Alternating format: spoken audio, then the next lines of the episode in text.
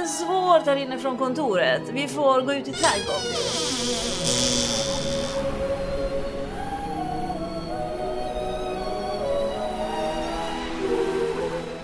Varmt välkomna till Kristna Datingpodden! En livsstilspodd om kärlek, relationer Teologi, sex, och helikoptrar! med mig, P.O. Flodström Apologet, entreprenör och opinionsbildare. och Silla Eriksson.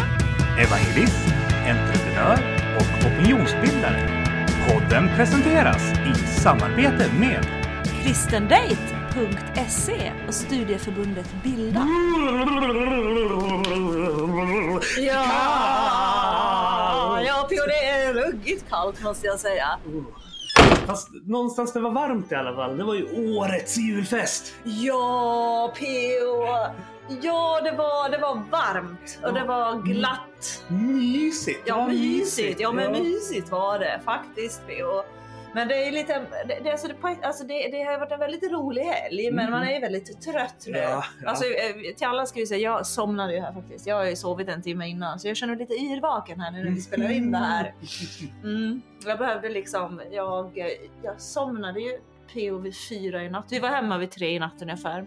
Jag somnade vid fyra. Mm. Och sen så skulle vi upp vid Mm. nio i morse. Ja. För jag skulle predika och du skulle leda mötet. Så Ja. att, eh, vi hade ju ansvar för den här gudstjänsten. Så vi var ju tvungna att vara där i tid. Mm. Så det blev inte så många timmars sömn i natt. Nej, men det märktes inte. Det vart en väldigt bra predikan. Men vi kan prata om den lite senare. Jag tänkte vi ska prata lite mer om festen först. För de Ja. som inte var där. För, för en tro på landet så var ju det här en fantastiskt lyckad fest. Det var ju jättemysigt så. Och allting, Mm. ingenting hade kunnat gått bättre. Ur Kristna Datingpoddens perspektiv Mm. Där finns det väl utvecklingspotential. Det var mycket bättre förra året då. Ja, men alltså det är många olika faktorer. Jag tror att vi, vi körde en helg tidigare förra året. Nu, Två. Ja, två helger tidigare till och Mm. med. Nu konkurrerar vi väldigt mycket med andra event som går den här helgen. Så dels tror jag att det var det. Och sen är ju det här lite utanför Stockholm. Mm, mm. Förra året körde vi vä- väldigt centralt också. Mm. Eh, det här är ju lite off om man Ja, säger så. Så det, jag tror att de faktorerna spelar in. Ja, Mm. och det är ju synd för det var så härliga kristna singlar som var där. Alltså både killarna och tjejerna var ju liksom så här Mm. toppen-tjejer och toppen-killar. Ja, liksom. fast det är liksom... Det, jag tror, det är som jag säger, liksom så här, mellan 30 och 40 det är svårt. Det, det, liksom, Mm. det finns yngre och det finns äldre. Mm, mm. Det var ju många äldre där som, hade jag varit 10 år äldre så hade jag kanske slagit till men... Ja, ja, ja, jo, jo, jo, men det var framförallt en av killarna där som var i 50-årsåldern. Han var ju en riktig toppsingel ifall man hade varit lite äldre kille. Ja, fast han var ju gammal. Ja, jo. Ja, Jo, för dig. Alltid relativt. ja precis. Åh, vi har ju en breaking news. Alltså, har vi? Elise Lindqvist är på väg ut på datingmarknaden. Ja, just det. Ja. Alltså det här, jag tyckte det här, jag måste säga, det här var så befriande. Hon har en tidshorisont på 100. När hon fyller 100 då ska hon skaffa en karl. Mhm. Det var hennes mål på riktigt. Ja, Och jag känner så här, jag är 37 och har lite så här små panik och vill träffa någon. ja, och fram till nyligen så har inte hon varit så intresserad än. Så, så att det var ju verkligen så att eh, Ja, det har hänt någonting ja här men nu. jag känner att då har jag liksom så här, hur många år har jag? 70 år på mig eller någonting. Ja, hon är, 80, 75 hon är år. 88 tror jag, 87. Ja. Precis. Ja, men jag kanske ska ha som mål att träffa någon när jag är 50 då. Ja. Hon har som mål att träffa någon när hon är 100 liksom. Ja, men jag, jag fick känslan av att hon tänkte att hon kanske ska börja dejta redan nu när hon är 90, men med Mm. ambitionen att eh, kunna gifta sig med någon när hon är 100. För hon tänkte att det tar ett tag Mm. att lära känna varandra. Hon är lite grann som eh, både du och Kristin. Hon har ju så Mm. väldigt aktivt eh, liv och så lite så att hon Mm. känner att hon inte riktigt har tid att lära Mm. känna någon, så det kommer behöva ta lång tid. Så. Ja, man var ju orolig för det här att hon skulle träffa någon karl som inte förstår att hon ränner ute på Malmskillnadsgatan på fredag nätterna. Ja. Liksom. Precis. Jag sa hon behöver kanske träffa en, en, en, en karl som, har, som, är, som är väldigt självständig och har ett eget liv. Mhm. Så. Så det behöver ni också kanske ha. Ja, ja, men någon, en, en volontär. En volontär som du säger. Ja, Ja. precis. Det som är nackdelen med två väldigt engagerade personer är att de eh, riskerar att de inte... De, så här, två minus i teorin blir ju plus, men eh, Ja. ibland kan det bara bli ännu mer. Ja, nej, men det är klart man måste ju ha tid för varandra annars går det inte. Ja, Och ja. det, det där är ändå liksom att jag, jag, har, jag har egentligen galet mycket tid på Har du det? Jag har galet mycket tid. Mm, Mhm. Faktiskt, det känns som att jag har hur mycket tid som helst. Det brukar inte jag märka. Ja, men, nej, nej, men alltså från och, med, från och med typ bara för några dagar sedan så har jag väldigt mycket tid. Jag avslutade ett projekt här som jag har jobbat med. Ja, det. Ja. Som har tagit väldigt mycket tid och energi från mig. Mm. Men ehm, Så nu Ja. söker du nya utmaningar? Ja men till viss del skulle man väl kunna säga det, att jag gör det. Ja. ja, men till exempel så har jag hört att Silla Consulting AB befinner sig i ett eh, väldigt expansivt skede. Och därför söker nya medarbetare. Ja, jag har ju faktiskt en ledig tjänst. Ti- Ja, ti- spännande. Ja, men faktiskt. vad är det? Titel civilekonom. Jaha, ni ska anställa en civilekonom i Consulting? Okej. Eh, Vad är det för arbetsuppgifter den här civilekonomen kommer att eh, göra? Hålla reda på dina ja, papper förstår jag? alltså det är ju sedvanliga arbetsuppgifter inom ett normalt eh, förhållande. Re- Ja, det, ja. resor i tjänsten kan eh, förekomma. Mhm, Mm, mhm. mm, mm. Eh, om vi ska, vi ska gå in lite på kvalifikationer och erfarenheter. Ja, kan vem som helst söka eller behöver den liksom ha lite arbetslivserfarenhet? Ah, eller? Ja, alltså, men så här, alltså, ah, erfarenhet av längre förhållanden är meriterande men ej ett krav. Okej. Däremot så är humor ett krav. Mhm. Eh, du bör hantera spontanitet mycket väl och även klara av rutin. Okej. Mhm. Eh, ödmjukhet och lojalitet värderas högt. Mm. Eh, kommunicera på ett anständigt sätt i både tal och skrift. Mm. Eh, hantera verktyg i förhållandet såsom sms och telefonsamtal för att underlätta för båda parter. Eh, sen självsäkerhet och självständighet är ju också, skulle jag säga, extremt uppskattat. Nästan skulle jag vilja säga ett måste. Där kom det ju Silla. Du vill ju ha någon som är som dig och har tusen pro- egna projekt och liksom är jättesjälvständig. Eh, så att jag vet inte, ja. Mm, Jag- Ja, jag men alltså man, det finns utrymme för gemensamma projekt. Jag vill Ja, verkligen det gör det, betona okej. Hur det. kommer arbetsmiljön vara då? Kommer den behöva liksom jobba på det här i Bumbelina? Det är ett ganska trångt kontor och ganska kallt nu på Mm, vintern. Jag vet ja. inte vad facket säger om det. Ja, så du kommer arbeta relativt tätt eh, tillsammans med en 30-20-årig medarbetare. Mhm. Eh, ni kommer utföra regelbundna träffar med olika aktiviteter. Mhm. Eh, möjlighet till vidareutveckling vid fast anställning. Ja, ja. Hembesök kan ju förekomma då i vissa fall. Och eh, du kommer vistas mycket på övre Östermalm. Mhm. Eh, men även på annan ort i vår tredje kollega Bumbelina då. Ja, det. Eventuellt jobba hemifrån vissa dagar i veckan. Mhm. Eh, vi har vilomöjligheter också i form av soffa och säng på huvudkontoret. Okej. Hur stort eh, medarbetarinflytande kommer den här nya medarbetaren ha? Är det liksom så att eh, Ja, alltså det, det... VDn på Silla Consulting bestämmer det mesta? Eller? Ja, men det är ju som på alltid när man börjar ett nytt jobb. Man måste ju liksom visa framfötterna lite grann och då får man ju mer och mer inflytande efterhand. Just så. det, ja. Det låter som att det ändå behövs någon som är lite seniore civilekonom. Ja, ja, men det ska nog vara någon som är lite senior. Det ska inte vara någon så junior. Ingen junior? Nej, ingen juniorer. direkt som kommer direkt ut från Handels? Ah, nej, han behöver nog ha några års erfarenhet åtminstone. Ah, Okej, ja, ja, ja, förstår det. Och, och t- tänker du att det här är en liten projektanställning nu över vintern eller ser vi Alltså, inte längre? vi tillämpar ju tre månaders provanställning. Mhm. Men efter det så finns eventuell möjlighet då till eh, fast eh, förhållande. Okej, ja. Mm. Mm. Och hur ansöker man? Är det kristendate.se eller Facebook eller Nej, LinkedIn som är ah, mm, rekryteringsplattformarna? Nej, eller? alltså ansökan tas emot via PM. Och urval sker löpande då. Okej, ja. så den, tjänsten kan tillsättas ganska snart? Ja, enkelt. det kan den. Alltså ifall att eh, rätt person dyker upp så, Ja, så kan det. absolut gå ganska fort. Okej, ja, ja. Mm. Vi har ännu inte gjort några val gällande marknadsförings och rekryteringskanaler så ifall du vill erbjuda dina tjänster som headhunter så välkomnas det. Mm, mm. Mm. Ja men det kan ju vara bra det också att liksom tydliggöra det att du gärna tar hjälp i den här rekryteringen så att eh, Mm, mm, du tänker inte att du själv är bäste dräng för Nej, nej, nej, nej, absolut inte. Det Ja. tänker jag absolut inte.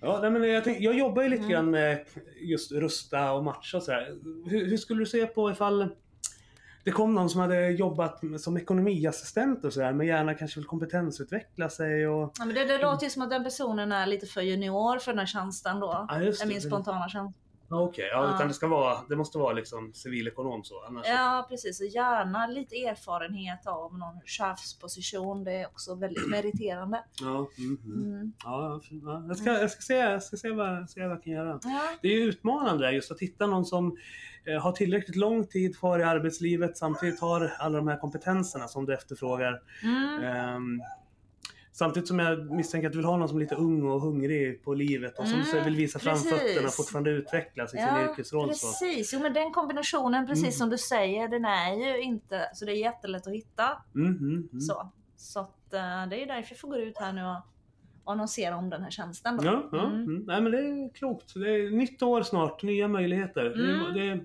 det är många dessutom som eh, tyvärr väljer att avsluta sina nuvarande anställningar just efter nyår. Så att, eh, Mm. Ja, marknaden Precis. är ju extra, extra Ja. stor då. Ja men precis, man får vara lite på hugget här efter nyår då helt enkelt. Ja, det tror jag Ja. kan vara ett, ett gott råd så, Mm, i, mm, mm. inom den här branschen. Ja, nej, men precis. Ja. Mm.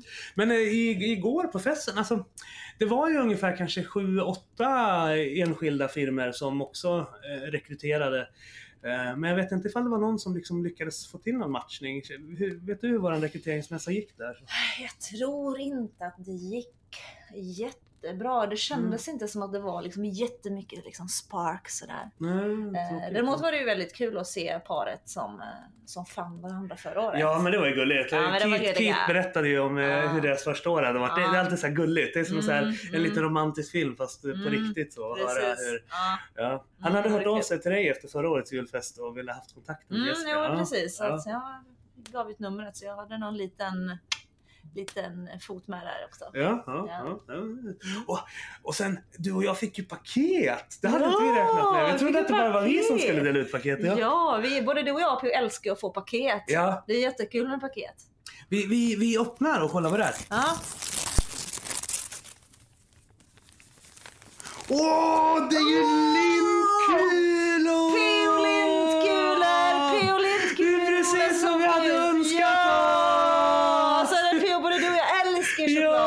Speciellt lintkulor Ja. Pio. Det är liksom, det, det, det, är få, det, är, det är få choklad som är godare än min Ja.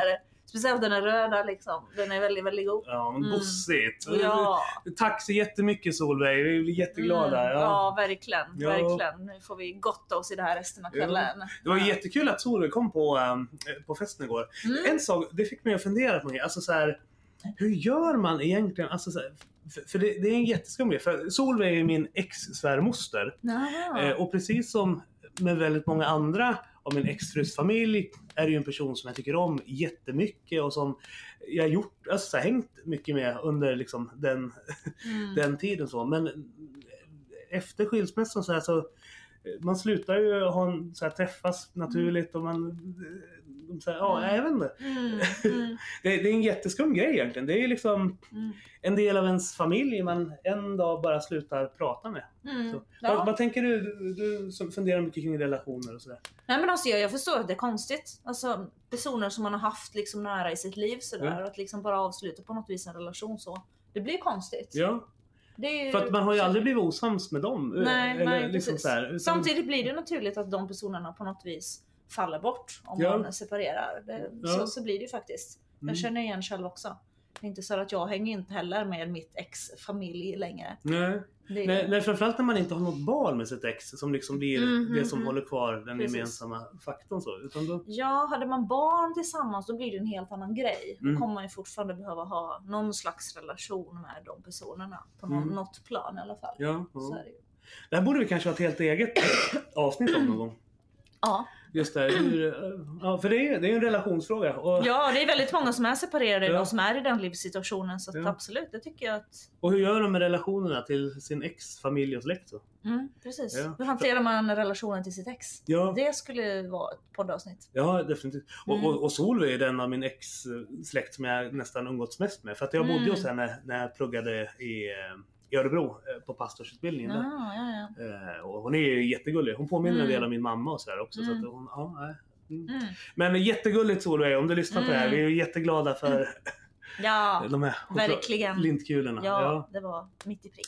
ja. Men eh, hon åkte ju hem på natten så hon missade ju din fantastiska predikan här i morse. Jaha, ja just det. Ja, det, var, det var ju inte alla som var med igår kväll som kom på gudstjänsten idag. Ja. Jag tror att det var, det blev ganska sent ska vi säga också. Mm, mm. Så att jag tror att det var många som valde att ta sovmorgon faktiskt. Nej, men jag känner att jag hade, hade inte vi behövt gått upp så tidigt i morse så hade Mm. jag nog eh, alltså Mm. gärna hängt kvar en, två timmar till. För det var ja, ja jättetrevligt. faktiskt. Ja men det var Dans- jättemysigt Ja. sen. Vi hade ju de här diskussionsspelen sen. Ja. in på småtimmarna där. Så jag tyckte det var jättemysigt. Jag älskar ju att diskutera Ja. saker.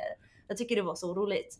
Så att eh, absolut, hade jag fått sova liksom till två idag så hade Ja. jag nog hängt kvar några timmar till. Och det, Eh, som, och det som blir utmaning för oss det är också att så här, det är när alla programpunkter är klara som vi så här, bara kan slappna av och sitta och umgås och ha trevligt med alla gästerna. Ja men precis, vi hade ju så mycket att stå i innan. Mm. Så det var egentligen när konserten och allting var klar, då kände jag liksom lite grann, nu kan jag slappna av liksom och bara Mm. hänga med gästerna. Ja, Liksom. ja. Så. Men sen det var ju mycket städning också, sånt där, så det behövde ju Ja. också bli klart. Så att jag började ju inte Precis. umgås med folk förrän klockan var halv två. Nej Så- precis, jag satt ju mig ner sen började spela spel och du städade ju Ja men du hade, ju, du hade ju det uppdraget att du Ja, skulle styra upp liksom, det precis. sociala Ja, samkvämet ja, efter precis. konserten. Ja precis. Ja. Ja. men det var... Alltså, mm. och vilken tur att Fia Wahlström var där. Alltså, Mm. Utan henne hade det här blivit kaos. Mm. Eh, hon framförallt, men med hjälp av kusin. Hon styrde upp allting med maten. Mm. Men sen Fia styrde upp all städning. Så att Mm. när programmet var slut och jag skulle börja så här bara Ah, Ja. ja, nu ska jag ta tag i och städa upp allting. Mm. Då kom Fia glatt ut ur köket nu är jag klar!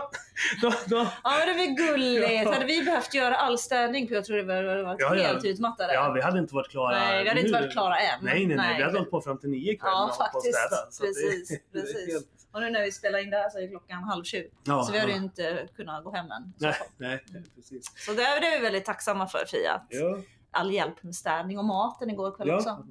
Verkligen. Helt. Mm. Men Silla, de som eh, missade din predikan, du pratade ju om väntans tider. Och jag tyckte det var en jättebra predikan. Du hade ju ångest i typ tre dagar. Du, i, när jag skulle gå ner och kissa min mitt i natten-kiss, som man börjar göra när man kommer över 35 år, kille. Eh, då ser jag att det lyste fortfarande i allrummet. Och det är klockan så här 03.30 kanske igår. Sitter Silla där och så här stångar huvudet mot bordet och dricker te. Och håller på och river sina predikomanus och säger P.O. Jag ska göra om allting. Det här var dåligt. Alltså hur ska jag kunna prata om väntans tider? Hur ska jag kunna prata om väntans tider? Det är det sämsta, det värsta jag vet att vänta. Jag hatar att vänta. Ja men alltså jag tror att alla som känner mig lite grann kan hålla med om att, eller all, alla som känner mig vet att jag är historiens sämsta människa på att vänta på saker. Mm, mm. Jag kan komma in på ICA, det är tre personer före mig i kön och jag får liksom panik. Jag vill liksom bara ta snabbkassan och springa ut. Alltså jag är fruktansvärt dålig på att vänta och det spelar liksom ingen roll om det är tandläkarkön, matkön eller snacka om när man står på Arlanda vet och ska liksom iväg med säkerhetskontrollen. Man får stå hur lång tid som helst. Och du vet jag får ju panik, jag är rädd för att missa flyget. Ja. Alltså nu när jag skulle åka från Genève, alltså ni fattar inte, det var 500 meter lång kö.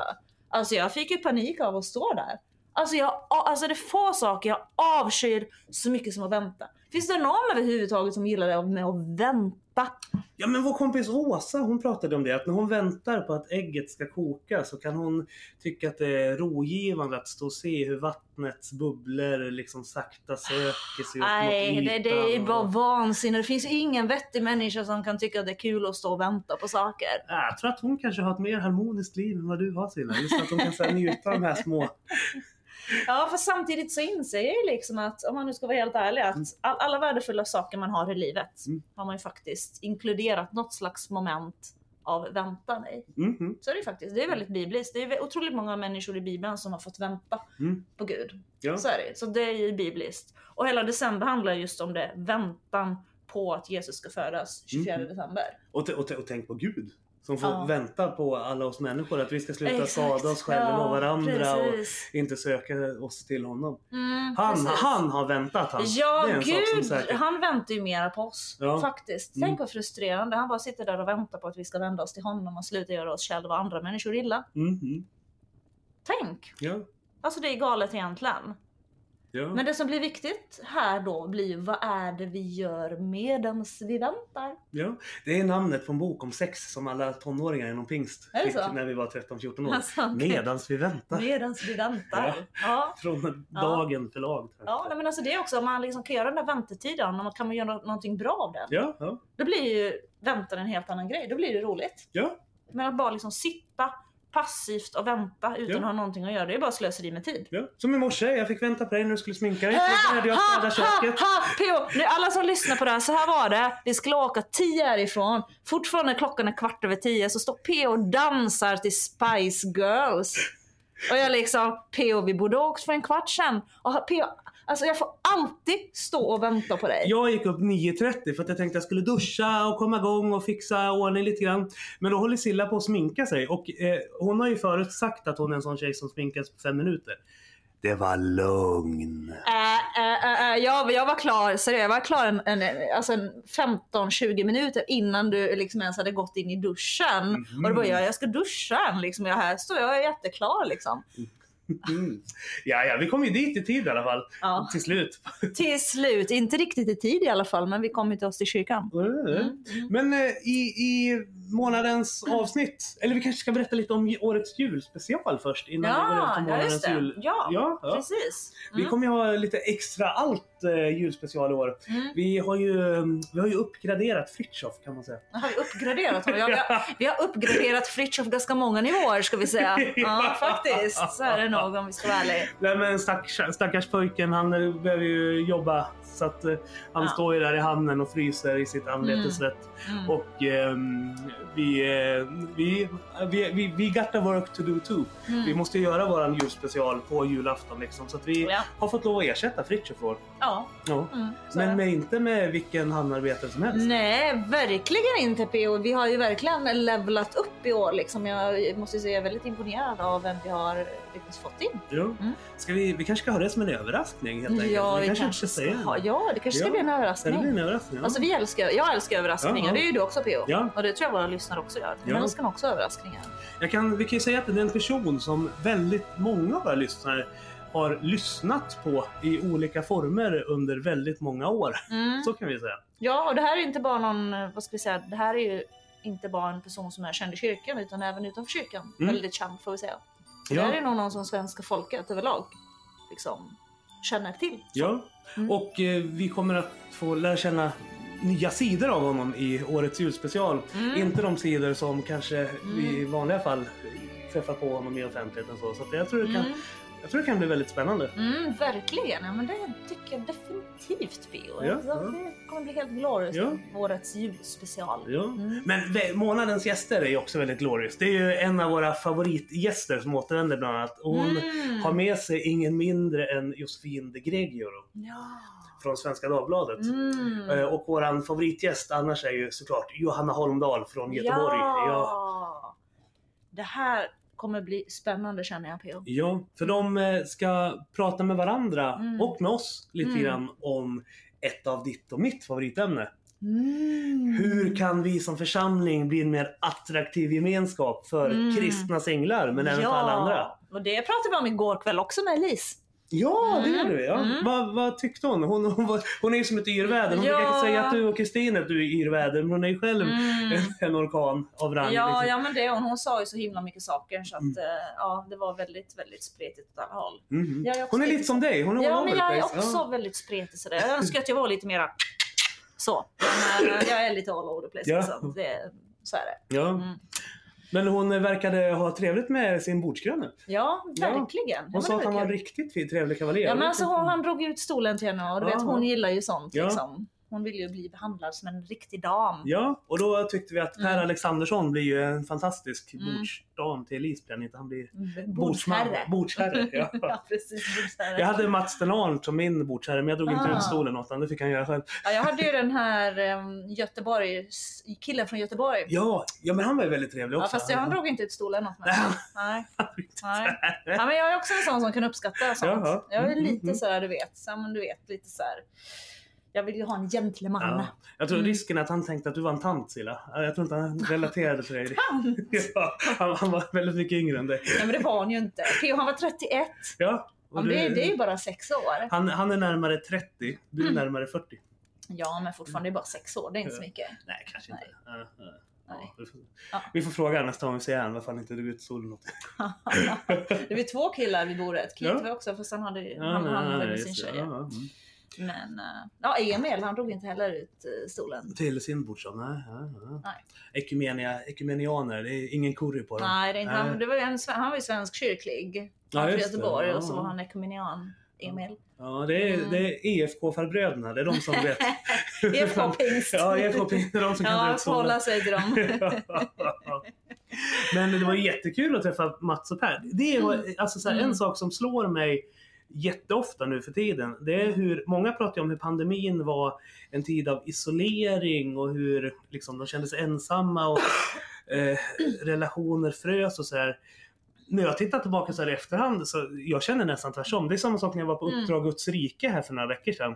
Eh, när jag kom in där så liksom träffade jag på massa människor som jag kramade om, eh, som kände som gamla kompisar. Mm. Och först efter att vi hade så här, hängt kanske halvtimme, timme Mm. så var det så här, Ja, är inte det här första gången vi träffas? Här? Men, Mm. men det känns ju inte så. För att man under Mm. pandemin fram, så vart ju människor mycket mer aktiva i sociala medier, på Precis. Facebook och sådär. Så man har Mm. hållit på och pratat med varandra i olika kommentatorsfält och debatterat massa olika av livets frågor och Mm. videochattat med varandra och haft sådana här Precis. Zoom-fikan och grejer. Så att Mm. människor som man aldrig har träffat känns det som, de är gamla kompisar. Och, och så kändes det ju Mm. med Per och Mats. Liksom.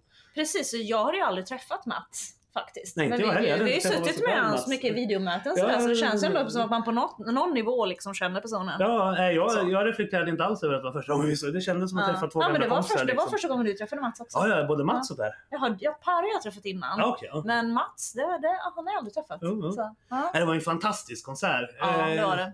Och det var ju fri entré, så jag tycker bara synd om er som inte passade på att uh, nyttja Mm. det här tillfället uh, när Mats Enol och Per Alexandersson var här i Gnesta och hade Verkligen. djurkonsert. De är så duktiga på att prata också. Jag var väldigt Ja. berörd av det som Per delade med Ja. mobbingen och allt det här liksom genom Ja. åren.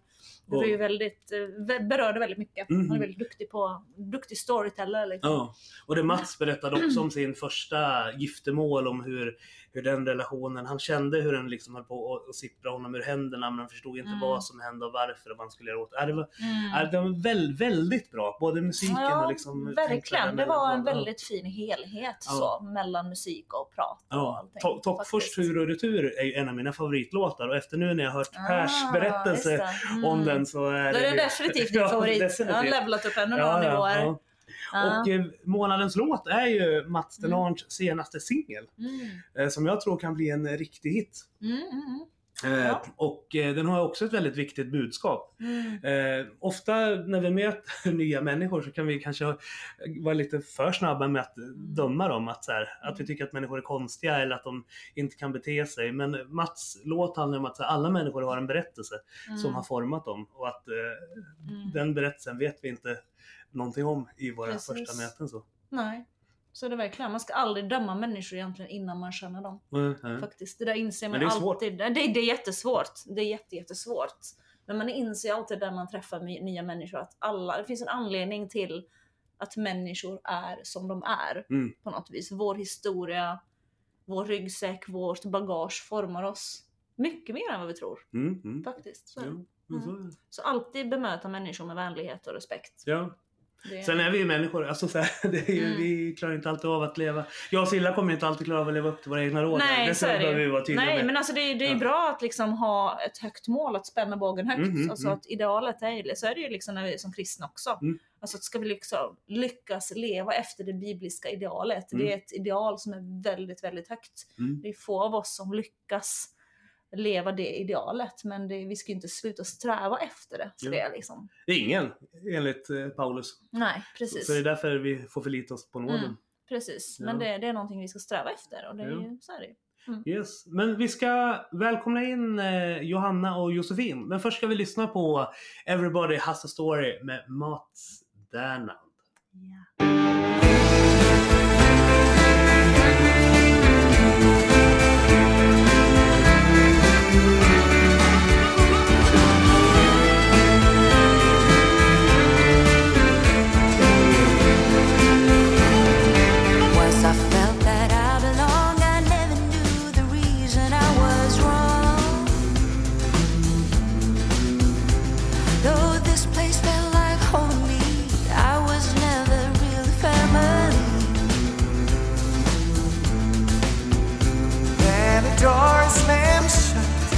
Then I'm on the outside looking in. There's no shortcut from the point of no return. I trust the truth, but now I learn the game is fixed, no rules apply. So why ask why? Everybody has a story they hide inside. Silent movies on replay when lights go out.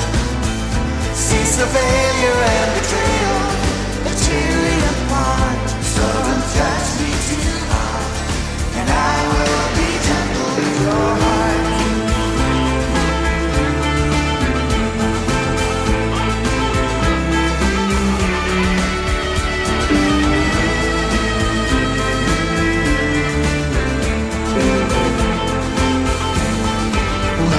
try to catch your eye, everything I see is cloudy skies. Well,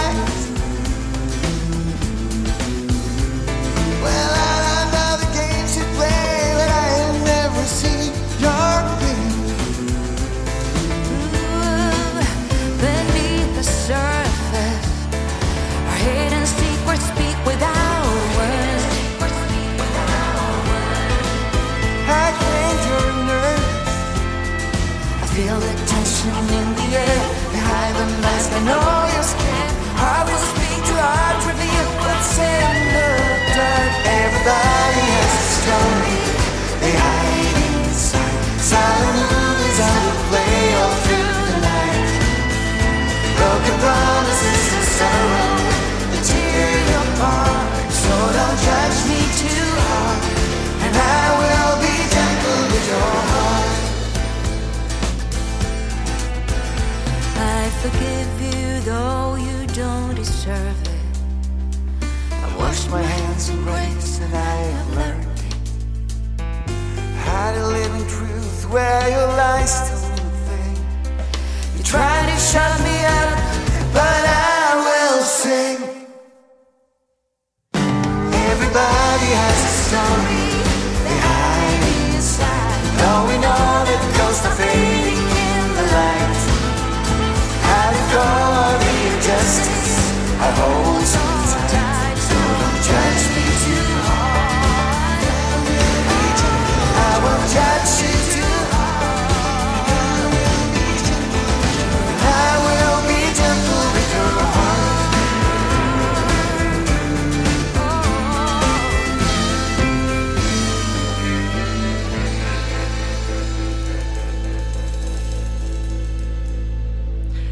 Varmt välkomna Johanna och eh, Josefin till Kristna Datingpodden. Tack så jättemycket. Tack så mycket. Så himla roligt att få gästas av två så kloka kvinnor som er samtidigt. Det var snällt sagt.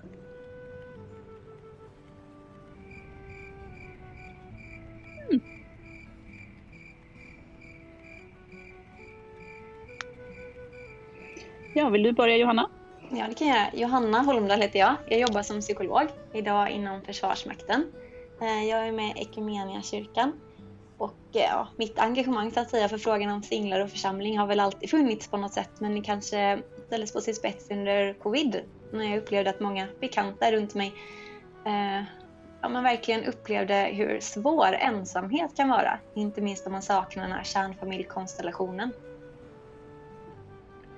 Och eh, jag heter Josefin de Gregorio och är eh, litteraturredaktör på Svenska Dagbladet och författare. Jag skriver också i Dagen ganska regelbundet. Jag har eh, varit med i en baptistkyrka i ganska många år när jag bodde i England och nu är jag och min man aktiva i Svenska kyrkan i Sankt Pauli församling i Göteborg där vi bor.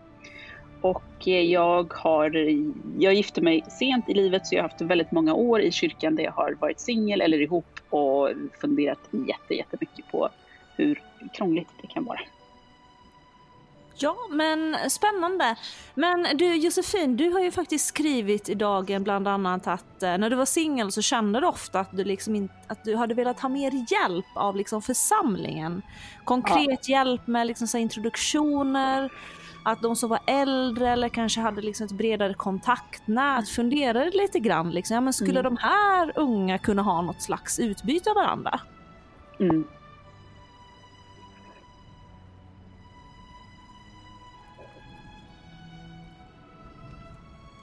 Mm.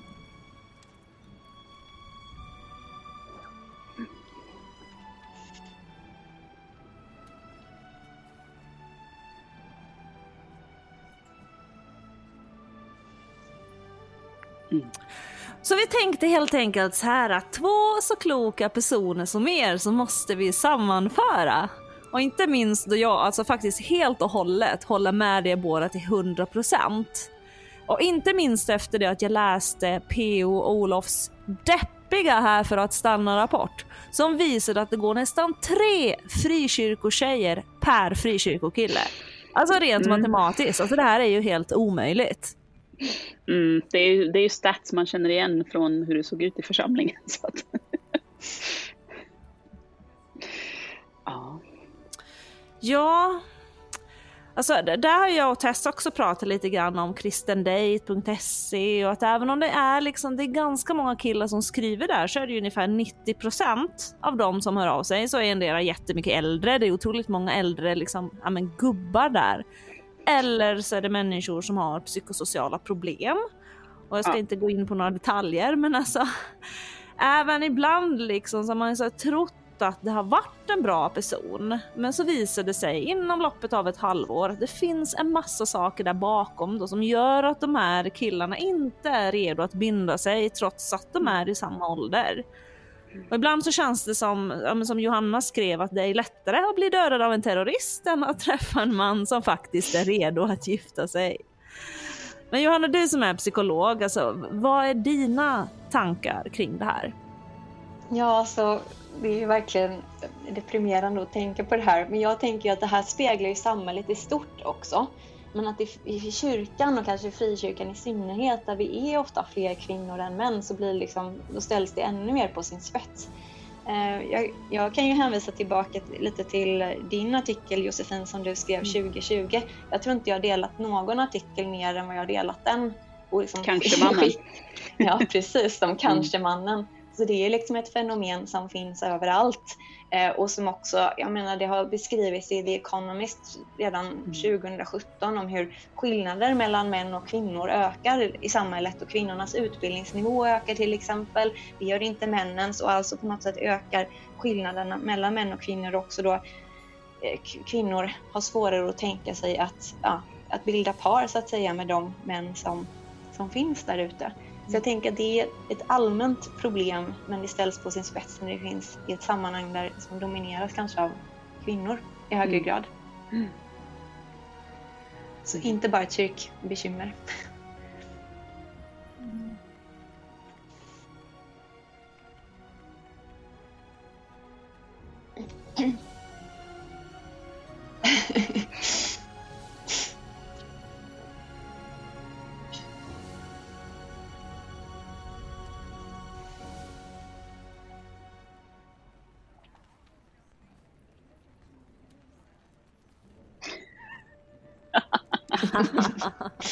Menar du att kvinnor är mer selektiva?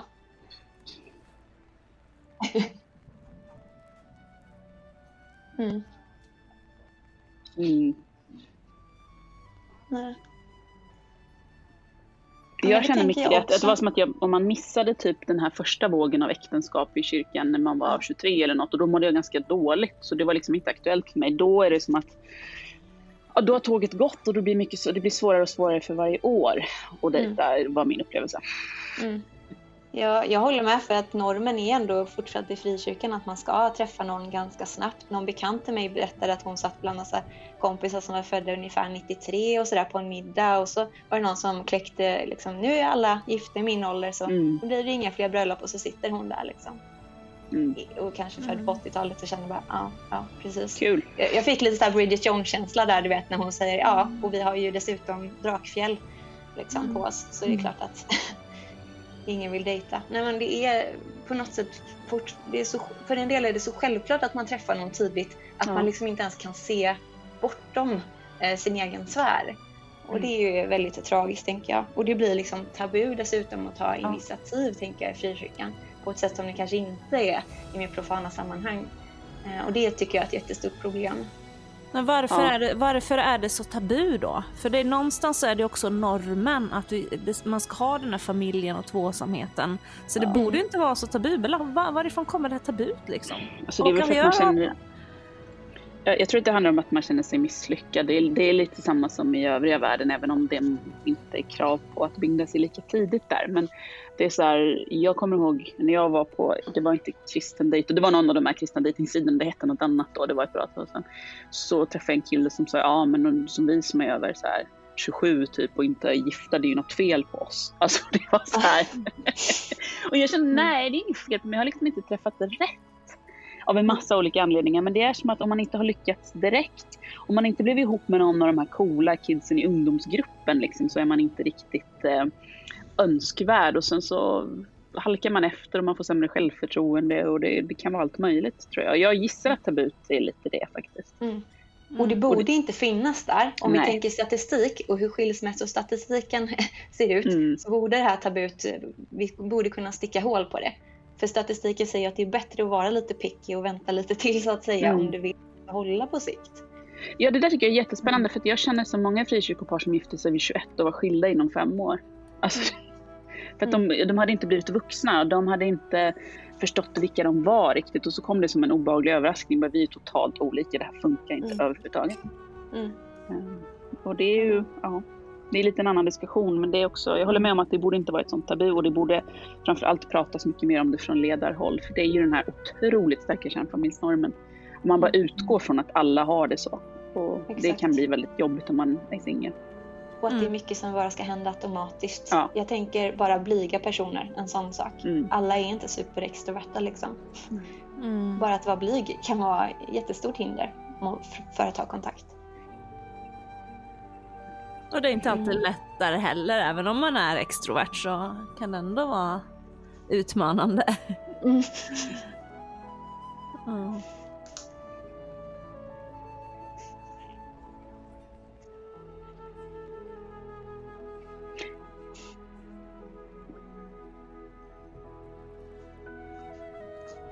Mm.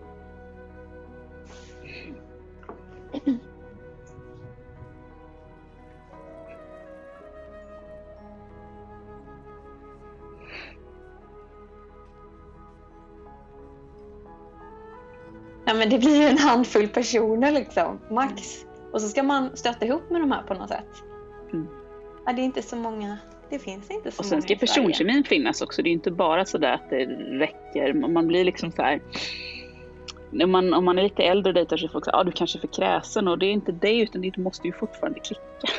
Ja, man kan ju inte gifta sig med någon som man verkligen inte klarar av bara för att gifta Bara för att den är sig. kristen. Nej. Nej. Mm. Nej men det är också det där liksom, hur picky ska man vara då? Det- Den är ju liksom inte heller så himla enkel.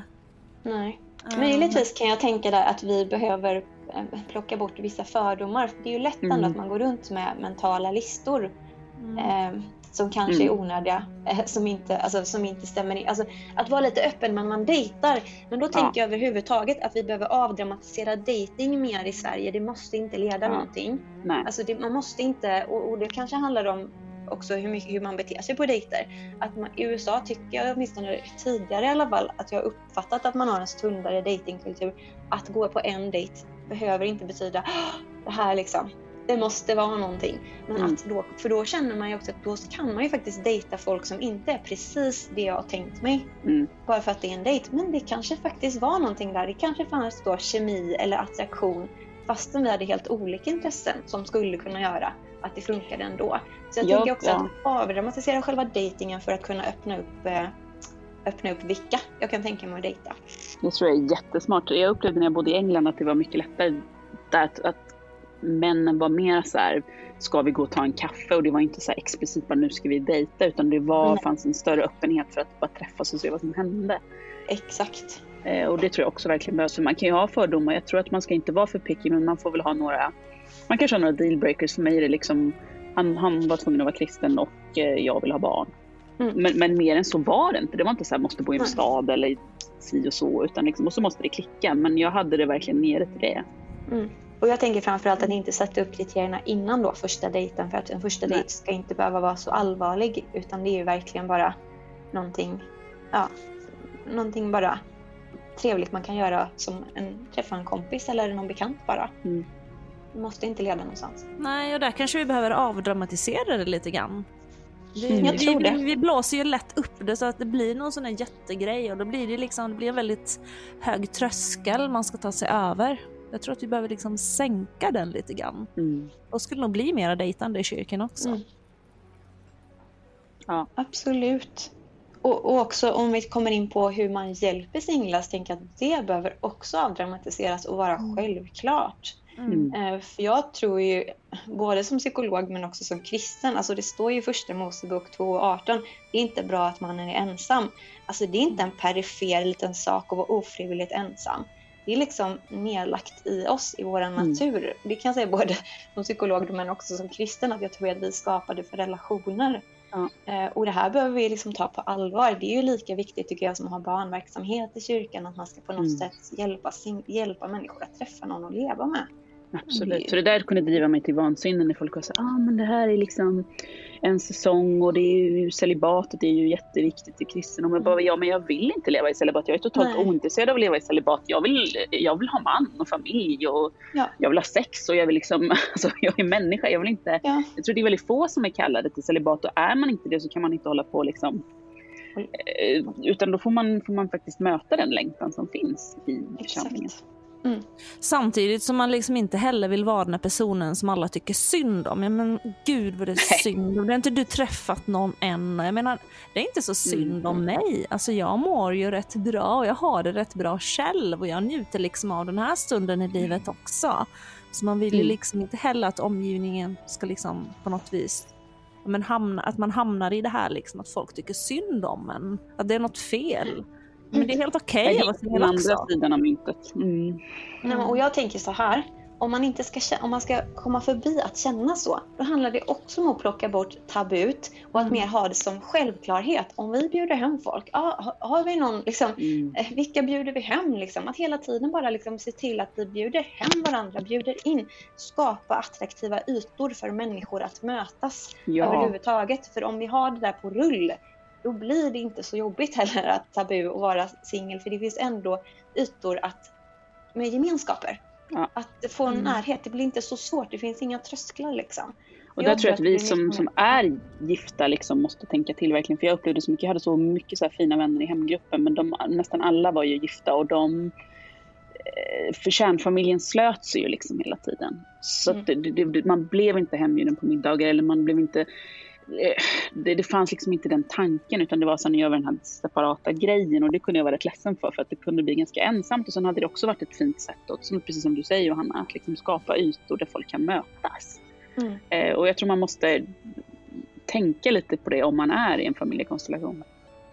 Det, det tror jag också. Och det är klart att det kan vara jobbigt för det är mycket enklare att umgås med någon som är precis som Mm. man själv. Och jag har all förståelse för liksom vänner som inte orkar umgås med par. För att de bara Ja. inte orkar. för att man känner sig för udda. Men detsamma, liksom jag, och detsamma gäller säkert barnfamiljer då som tycker åh vad jobbigt att umgås med folk som inte också är barn, barn, barnfamiljer. För det är så himla skönt när barnen leker ihop. För då behöver liksom, alltså det blir mycket enklare då allting. Men, men jag tänker vi måste tänka bortom den komfortboxen och Mm. tänka att vi ska blanda både generationer egentligen men också konstellationer för då försvinner tror jag en del av de här problemen automatiskt. Mm.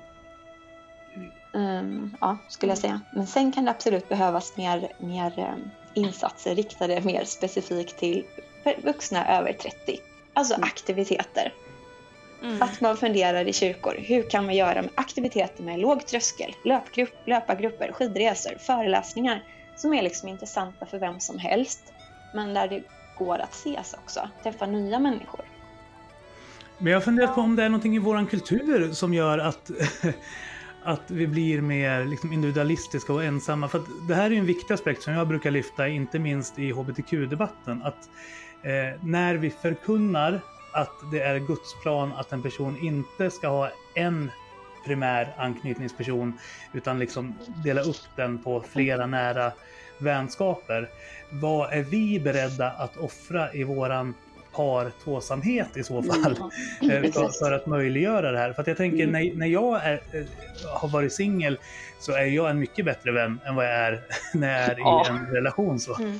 Eh, och, och jag kan inte liksom så punkta ner vad, vad de här grejerna är utan det är bara någonting som, som, som sker. Och, och det, så är ju mina vänner också. De är mycket mer närvarande i sina vänskaper när de liksom är singlar och så. Ja, P.O. jag tycker du är fortfarande en väldigt, väldigt bra vän trots att du är gift med Kristin så att... eh, jag vet väl inte hur jag håller med. Det var ett bra betyg där. Bra betyg. Nej, men, men PO, det där har jag tänkt på jättemycket sen jag gifte mig. För jag märker också att jag har några vänskaper som jag verkligen vill hålla liv i, men det blir så svårt. Och jag tror mycket av det är att man får liksom så mycket socialt i sitt äktenskap. Att, att man själv inte har riktigt har samma behov och så glömmer man bort att andra, eller om, även om man vill så räcker inte tiden till. När ett litet barn så är jag en exceptionellt dålig vän. Ehm, och det, är- det är ju jättesvårt det där. Här kan ju till exempel hus, alltså husförsamlingsgrupper och så ändå vara en yta som man väljer att prioritera. Mm. Eh, och kanske engagera sig i någonting i, kyrkan och just man ändå bjuder hem, fundera Ja, vilka man bjuder hem. Så att det blir liksom låga trösklar för en själv att ändå vara en bra vän och bjuda in. Det är väl några konkreta saker. Nu går min problemlösningshjärna på här. Mm. Ja, men sen också hur vi förhåller oss till typ jul och nyår och Mm. födelsedagar och, andra högtider. Så, för att det är ju så här jättelätt att vi, att vi sluter oss och tänker att eh, eller jag vet inte ens om vi tänker någonting eller att det bara blir så att eh, det liksom blir den, den lilla kärnfamiljens eh, högtid så. Eh, snarare än att man försöker hitta sätt att göra det till församlingsangelägenheter med Mm. eh, lå, låga, låga trösklar och öppna dörrar. Och så. Mm. Mm. Och jag tror inte vi heller vi ska vara liksom rädda så här för att engagera oss i varandras liv. Alltså jag tror att det är någonting bra, Mm. någonting fint och någonting gott. Och det kommer mycket bra ur det. Eh, Och jag tänker också att det kan komma naturligt ifall vi liksom både alltså att vi har både de här överlåtna gemenskaperna och även de här lite större forumen. Så att församlingen också verkligen känns som ett stort kompisgäng där vi liksom Mm. känner oss trygga med varandra och vi kan vara oss själva. Mm. Men ja, hur, hur ska vi liksom få en kultur då av att liksom våga para ihop människor mer utan att vi liksom kränker människors integritet? Jag tänker fråga. Fråga, fråga, fråga. Alltså f- fråga. Vill, vill du att jag letar efter dig? Vill du bli ihopparad? Mm. För alla vill ju inte det heller. Mm. Liksom. Eh, kolla av, hur ser singlars behov ut? Jag vet att jag sa det sist när jag var med i podden också. Att liksom man tar med det till exempel i singelperspektivet i planeringen av kyrkans verksamhet. Man kollar liksom av vad, vad har ni för behov liksom. Både på liksom, kyrknivå men också som vän. Liksom. Vill du att jag håller ögonen öppna? Vill du att jag försöker hitta en blind date? Mm. Ehm, Exempelvis, det tror jag är viktigt. För att liksom inte landa fel eller peka ut någon. För att bara ha så singelaktiviteter, för jag har ju kollat med en del kompisar inför den här podden som jag brukar göra. Vill sända någonting via mig? Då är det sådär, ja men singelaktiviteter kan bli för utpekande. Men bra aktiviteter i kyrkan eller bra aktiviteter som man har själv, det är, det är sånt som efterfrågas. Ja, för det, ser, det kommer jag ihåg när jag var i någon kyrka som var verkligen så här, de hade liksom ungdomsgruppen och så hade de så här 30s group och då fattade ju alla att det var liksom singelgruppen. Det blir ju lite, går man dit så känner man sig som att man är på en speed dating event och Mm. det är ju också jobbigt. Mm. Ja men precis, det kanske inte är det eh, man känner sig mest bekväm i apropå eh, liksom, svenska normer och sådär.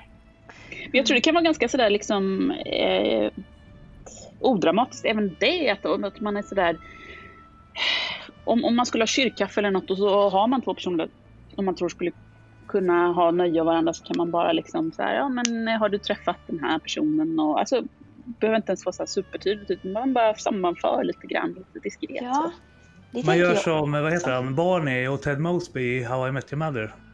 Have you met Ted? Ted? Alltså, ehm, ja, ehm, jag kan ju erkänna att jag är gift för andra gången. Och det var ju, jag blev, trodde ju att jag skulle leva själv resten av livet efter en väldigt, väldigt tuff skilsmässa. Eh, men det är ju faktiskt den som fick mig att våga dejta igen var ju min pappa. Som dessutom tyckte att han hade en bra, ett bra förslag. Och det är den personen som jag är gift med nu. Nej. Ehm, så att jag tänker faktiskt också, varför kan vi inte, jag vet att vi har kommit ifrån det här att föräldrar ska bestämma partner åt sina barn. Men alltså det finns väl också en potential där, i alla fall om du har en god och vettig relation med dina föräldrar. Mm. Om du känner att de känner dig så, tro, så tror du att de vill dig väl. De vill att du ska träffa någon som är bra. Varför inte ta hjälp av föräldrar och släkt också? Familj. Mm. Känner ni någon som känner någon som känner någon som vars barn? Det kan ju Ja, jag tror just det man måste komma ifrån är tron att det bara ska hända av sig själv. För det gör verkligen inte alltid det. Nej. Det, det gör inte det och det är att lägga väldigt tungt ansvar på individen för så har det ju historiskt inte riktigt funkat heller. Alltså det, ja. Men sen så Eh, är det den där finansfaktorn. Att folk förväntas vara liksom så här lyckliga, framgångsrika och engagerade i sitt singelskap. Att man ska inte... Att det anses lite pinsamt ifall man är för öppen med... ja, bara hej jag vill de- träffa någon. Ja, Ja. Mm. Så ska det inte vara. Jag tänker precis tvärtom. Mm. Jag tänker skapa ett team åt dig själv. Skapa ett team. Några som känner dig, som du vet vill dig väl eh, och som du vet kan hålla ögonen öppna. Och så berättar du för dem. Jag längtar efter att träffa någon. Kan ni hålla ögonen öppna Mm. åt mig? Alltså, När jag var singel så var jag så avundsjuk på ortodoxa judar som har liksom eh, så matchmakers.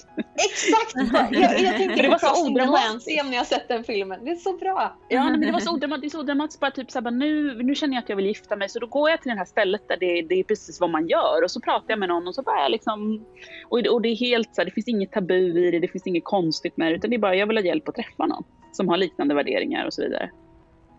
Så gör ju imamer. Eh, så Ja. det, det är spännande då att eh, det är bara vi inom kristendomen som inte verkar ha den här traditionen. Då. Det förklarar ju allting. Ja, jag tror det är viktigt att vi liksom inte fastnar i det här och blir passiva. Jag tycker det kan man, man ser till liksom vänner man har i sin egen ålder i kyrkan, väldigt många kan jag uppleva liksom lite har fastnat i det här och liksom blivit passiva. Och när man frågar så är det bara så här, nej men jag, jag, jag ber över det här och Gud kommer sända någon när det är rätt tid och när det är dags. På något vis som att man själv inte behöver take action på det, utan man sitter själv och ber och är passiv. Alltså nu säger jag inte att man inte ska be, självklart ska man be, men Nej, men, kanske inte räcker med att sitta på sin kammare och be om att prinsen ska flyga in genom fönstret. Man kanske behöver lite mer än så. ja, jag hade en kristen vän som sa att man måste liksom eh, skjuta ut båten lite från land för att se vart Gud styr den. Man kan inte bara sitta och inte ro alls. Nej, precis. Det är lite, man behöver röra sig i någon riktning för att Gud ska kunna leda och för att han ska kunna öppna och stänga dörrar, tänker jag. Och det gäller ju allt i livet, inte bara liksom vala partner eller träffa någon. Men tror ni att det är någon skillnad där mellan män och kvinnor? Hur bra man är på att skjuta ut båten? Mm. Apropå... Jag upplever nog att män är lite mer passiva faktiskt och kvinnor ofta är lite mer på jakt faktiskt. Mm. Eller det var jag sett i min bekantskapskrets i alla fall. Ja, men, och det är nog min erfarenhet eh, också. Inte alltid, men liksom vad jag hör av, av vänner.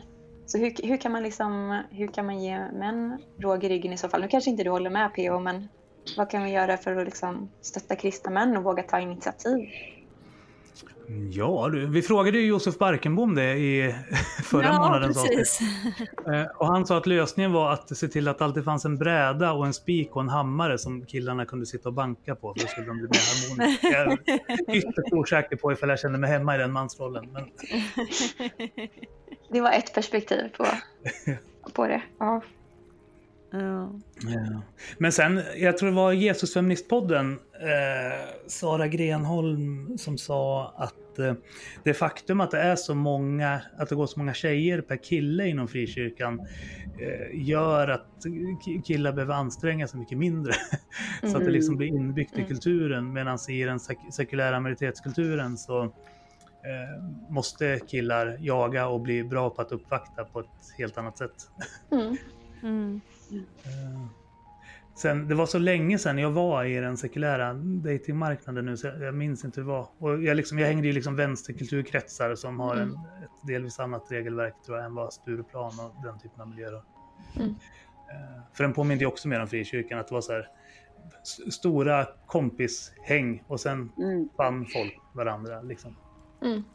Nej, men, och, och, jag tror vi kommer få räkna med att en hel del av singelkvinnorna idag inom frikyrkan, de kommer träffa icke-kristna män. För det finns inte så många kristna kvar. Nej, Mm. precis. Jag har ett lite så svagt moment här nu mm, sen jag reste iväg och så då. Jag kände mig lite ensam så då laddade jag ner Tinder och det, man man får ju väldigt mycket erbjudanden kan man säga. Där Ja, är Det det ju kvinnans marknad alltså. Och de är inte galna kanske. De kanske är jättetrevliga. Ja, nej, de är jättetrevliga en del som jag träffat, absolut. Verkligen. Jag har ju testat att eh, dejta killar som inte var kristna och för mig så det blev ett väldigt stort lidande ganska snabbt kan jag säga. Ja. För att det blev så fruktansvärt ensamt. Mm. Och det visade sig sen att liksom, man tänker så här, ja men det här är fine, men sen så visade det sig att är man kristen så påverkar det allt man gör i livet. Det är verkligen allt så här, hur ska, vi, hur ska man hantera pengar och hur etik och moral och liksom syn på äktenskap, sex, alltihopa. Och sen också inte snacka om om man får barn sen. Eh, Så det där är ju, ja, det är svårt. Ja. Och sen när livet, liksom, för att även ifall man är två så betyder det inte att livet är en dans på rosor utan det kommer Nej. ju komma motgångar. Och Mm. vad lutar man åt då? Alltså, Mm. i, när stormarna blåser så. Det är min erfarenhet av att vara tillsammans med vänstertjejer, alltså se- sekulära ateister, eh, är att det är då det blir skav så. Eh, Ja.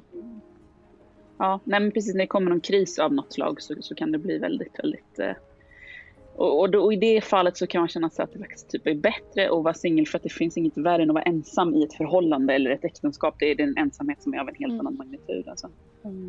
Ja, samtidigt kan man ju tänka i svaga stunder sådär att man är, man är hellre i en dålig relation än att man är själv. Så har jag tänkt ibland.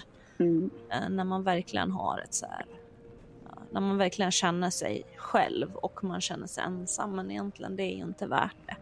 Alltså, Nej, man så jag en dålig Jag, tänkte, jag har också tänkt så tills jag var i en riktigt dålig långvarig relation och då var jag så här, åh, nej.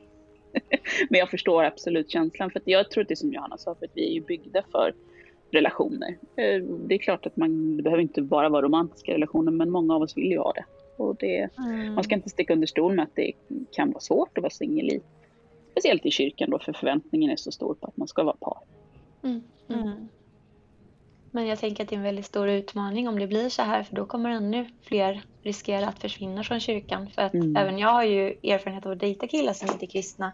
Eh, och även om de är väldigt positiva till ens tro och respekterar den på alla sätt och vis så är det inte säkert att de vill följa med till kyrkan. Mm. Och då är det väldigt svårt att gå dit själv. Så att risken med obalansen som vi ser nu eh, och om man ändå väl- väljer eh, relation med någon som inte delar tron det är ju att fler kommer försvinna från kyrkan. Ja. Eh, Så det är en stor Mm. utmaning framför oss. Ja, Skulle vi behöva starta någon ny verksamhet? Alltså jag vet, eh, vi inom eh, väckelsekristendomen är ju väldigt bra på det här med verksamheter. Frågan är bara hur man då skulle göra den här verksamheten. Eh, alltså olika for- För det, det jag kan sakna, trots att jag är gift, alltså rent socialt, det är just alltså de här stora sociala sammanhangen som fanns när man var yngre, som inte finns längre. Alltså vi har Mm. Torp och vi har Nyhem. Och så finns det pingstpastor, pingstledare och EFKs medarbetardagar. Men, men vad finns det?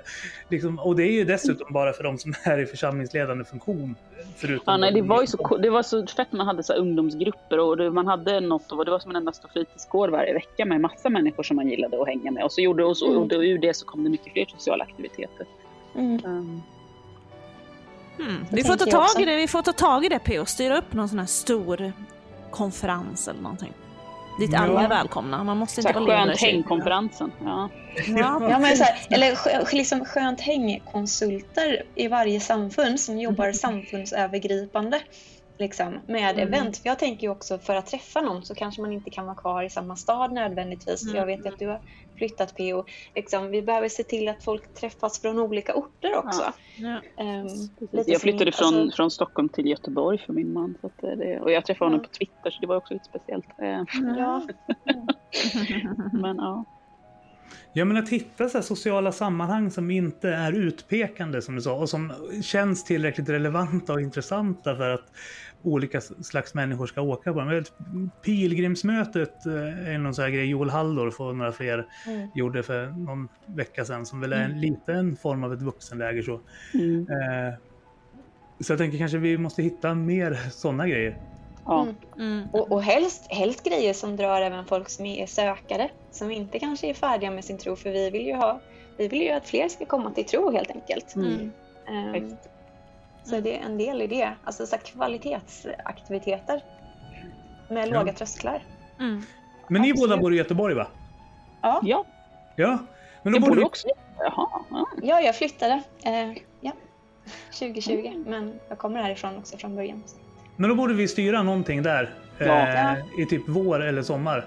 Ja, Absolut. bra Kanske idé. i samband med Höön-konferensen. Ligger den i Göteborg? Ja. Öckerö är det då. Strax, Eller? strax utanför Göteborg. Ja, Ja, men det är ju det är ju Göteborgsområdet liksom. Mm. Absolut. Eh, för det vet jag på, också då på Nyhem och Torp att så här, de här olika ungdomsnätverken som finns, de gör ju en massa aktiviteter då för de som ingår i Pingst Ung eller EFK Ung och liksom de verksamheterna. Men man kanske skulle försöka hitta någonting för eh, liksom, människor som, även som är äldre men som tycker det är viktigt det här med att församlingen blir just en attraktiv gemenskap där vi Mm. odlar flera och djupare positiva vänskapsrelationer. Mm. Mm, Mm. absolut. Ja. Och med låga trösklar också tror jag på något sätt.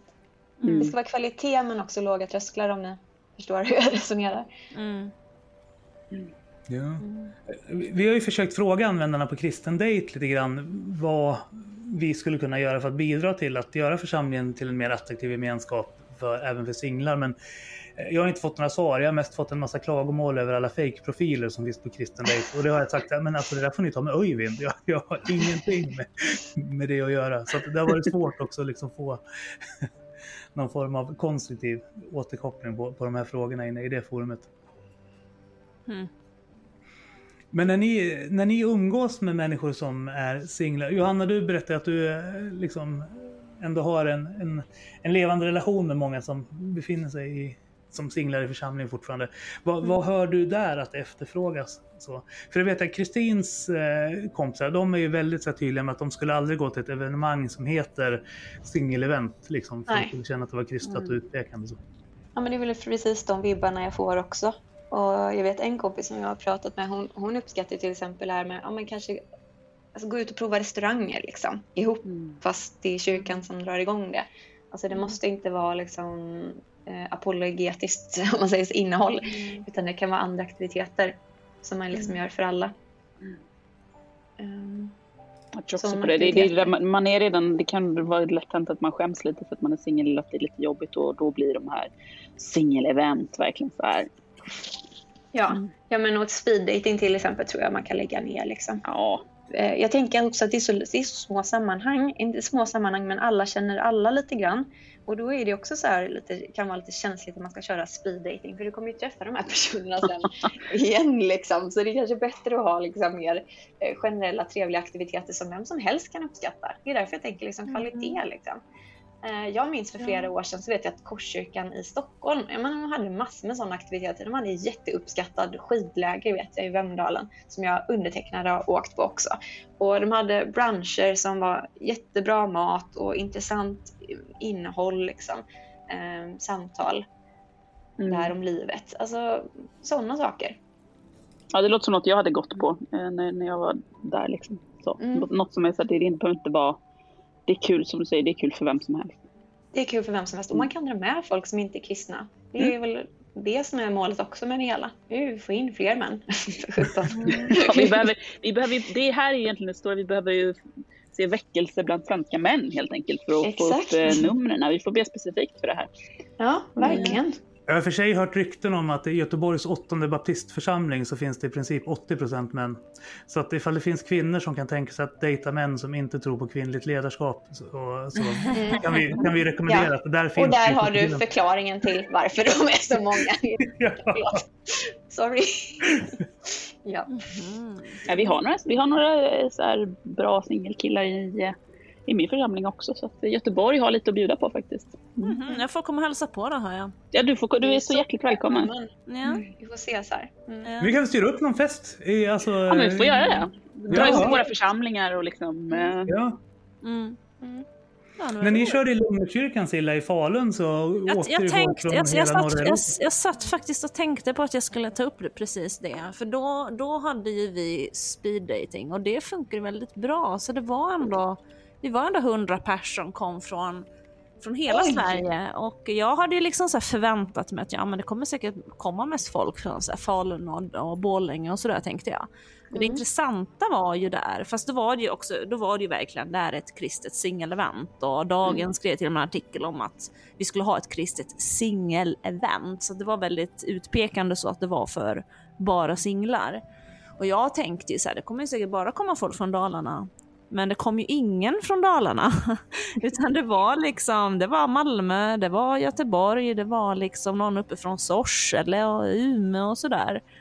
Jag tror liksom att när det är en sån liksom singelgrej, man säljer in det så, då känner nog folk att då vill man gärna åka en bit för att gå på en sån. Man vill kanske inte då åka Alltså är det då i samma stad som man bor, då tänker man att nej, men då kommer man bara träffa folk som man känner. Mm. Så man vill liksom gärna åka långt bort för då tänker man så här att ja, men då kommer man träffa nya människor som man normalt sett inte skulle springa på. Mm. Så i det fallet så funkar det faktiskt ganska bra. Och att den här genansfaktorn försvinner lite grann kanske också. Mm. Just att du inte kommer... och Om, om du liksom uppvaktar någon och blir, blir lite dissad så, så behöver du inte träffa den nästa söndag. Så. Nej, det kan ju vara rätt skönt faktiskt. Jo men så det är klart, kommer du från Göteborg till Falun, alltså du bor i Göteborg kanske du inte känner så många som är medlemmar i Lugnarkyrkan till exempel. Eller risken är inte att du kommer springa på någon i din egen kyrka i Falun liksom. Så. Så nej, det, var, det var ett väldigt lyckat event faktiskt. Mm. Det var det. Det låter väldigt bra. Mm, det gör.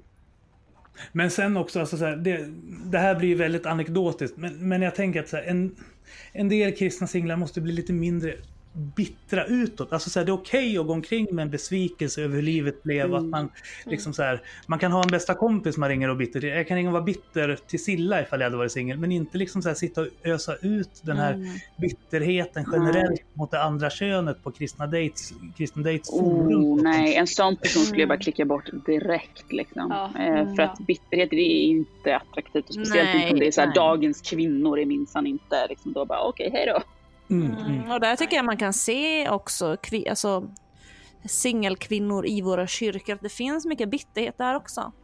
Och att man inte träffar någon. Och över att situationen känns lite hopplös.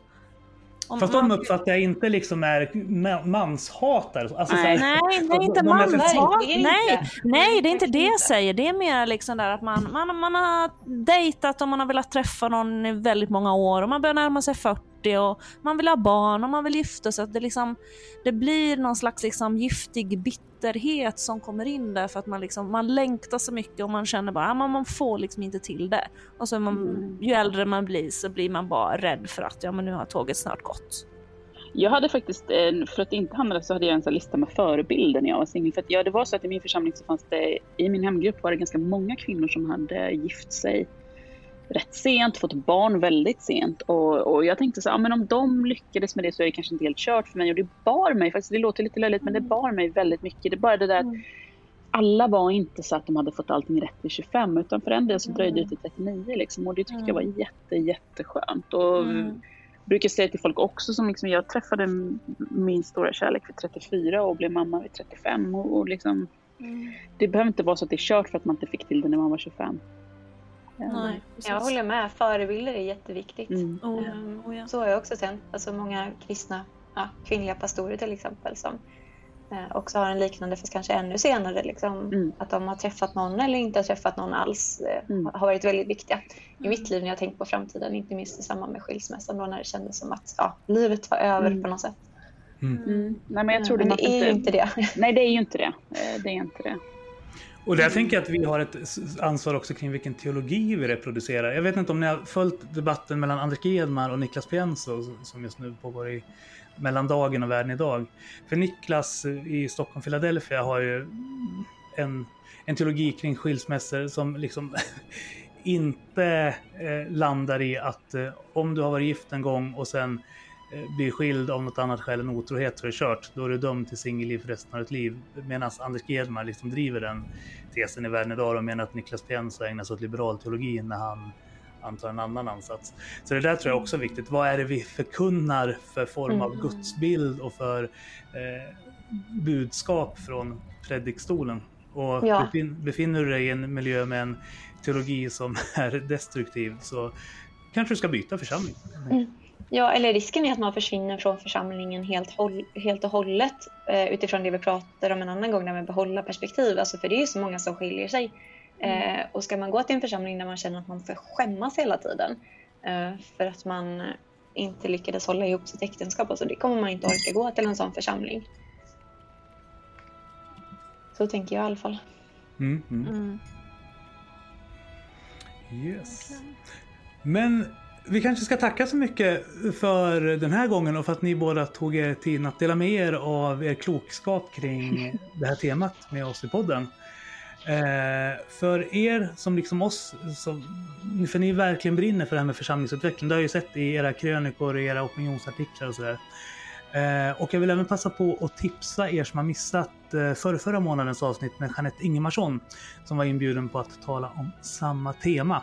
Och om ni letar runt lite grann i vår katalog, du som sitter med i en församlingsledning eller liksom bara känner att du vill ta ett kliv framåt och engagera dig för de singlar som finns i församlingsvärlden så finns det ganska många avsnitt vi har spelat in där vi pratar just om det här med olika konkreta idéer och förslag kring hur församlingen kan bli en mer attraktiv gemenskap. Vi pratar i motsats till många fördomar mot oss inte bara om sex helt enkelt. Mhm, precis, och det, det kanske vi också kan lägga in PO i avsnittsbeskrivningen sen, lite tips på resten av avsnitt som, som är på samma tema. Om man vill lyssna vidare. Yes, definitivt. Men eh, jag ser fram emot vad man brukar säga, det bästa is yet to come. Jag ser fram emot Ja. vad vi kan komma på för kul grejer att göra framåt våren eller sommaren i Göteborg. Ja, det här måste vi, vi ta tag i. Jag ser redan nu fram emot att få besöka Göteborg så vi måste definitivt styra upp någonting där tycker jag. Ja, jag är väldigt pepp. Jag älskar när folk kommer till Göteborg. För att eh, Ja. alla jag känner bor någon annanstans känns det som. Så att, eh, Exakt. kom. Ja. Kom, komsi, komsi. det ska vi. Välkommen till Göteborg. Ja. Men jag tänker någon sån här skön, någon skön aktiviteter och evenemang i samband med hönor kanske. Alltså för då är det ju många som kommer dit. med där. som- Mm. Mm, Mm. Klokt. Yes. Absolut, nej, men det styr vi upp. Men verkligen stort tack för att ni ville gästa oss. Super, super kul. Ska vi Tack avsluta som vi brukar? Genom att önska alla våra lyssnare en stor puss och kram! Stort tack för att du har lyssnat på Kristna Datingpodden. En livsstilspodd i samarbete med kristendate.se och studieförbundet Bilda. Mig, Silla Eriksson och med mig, Theo Flodström.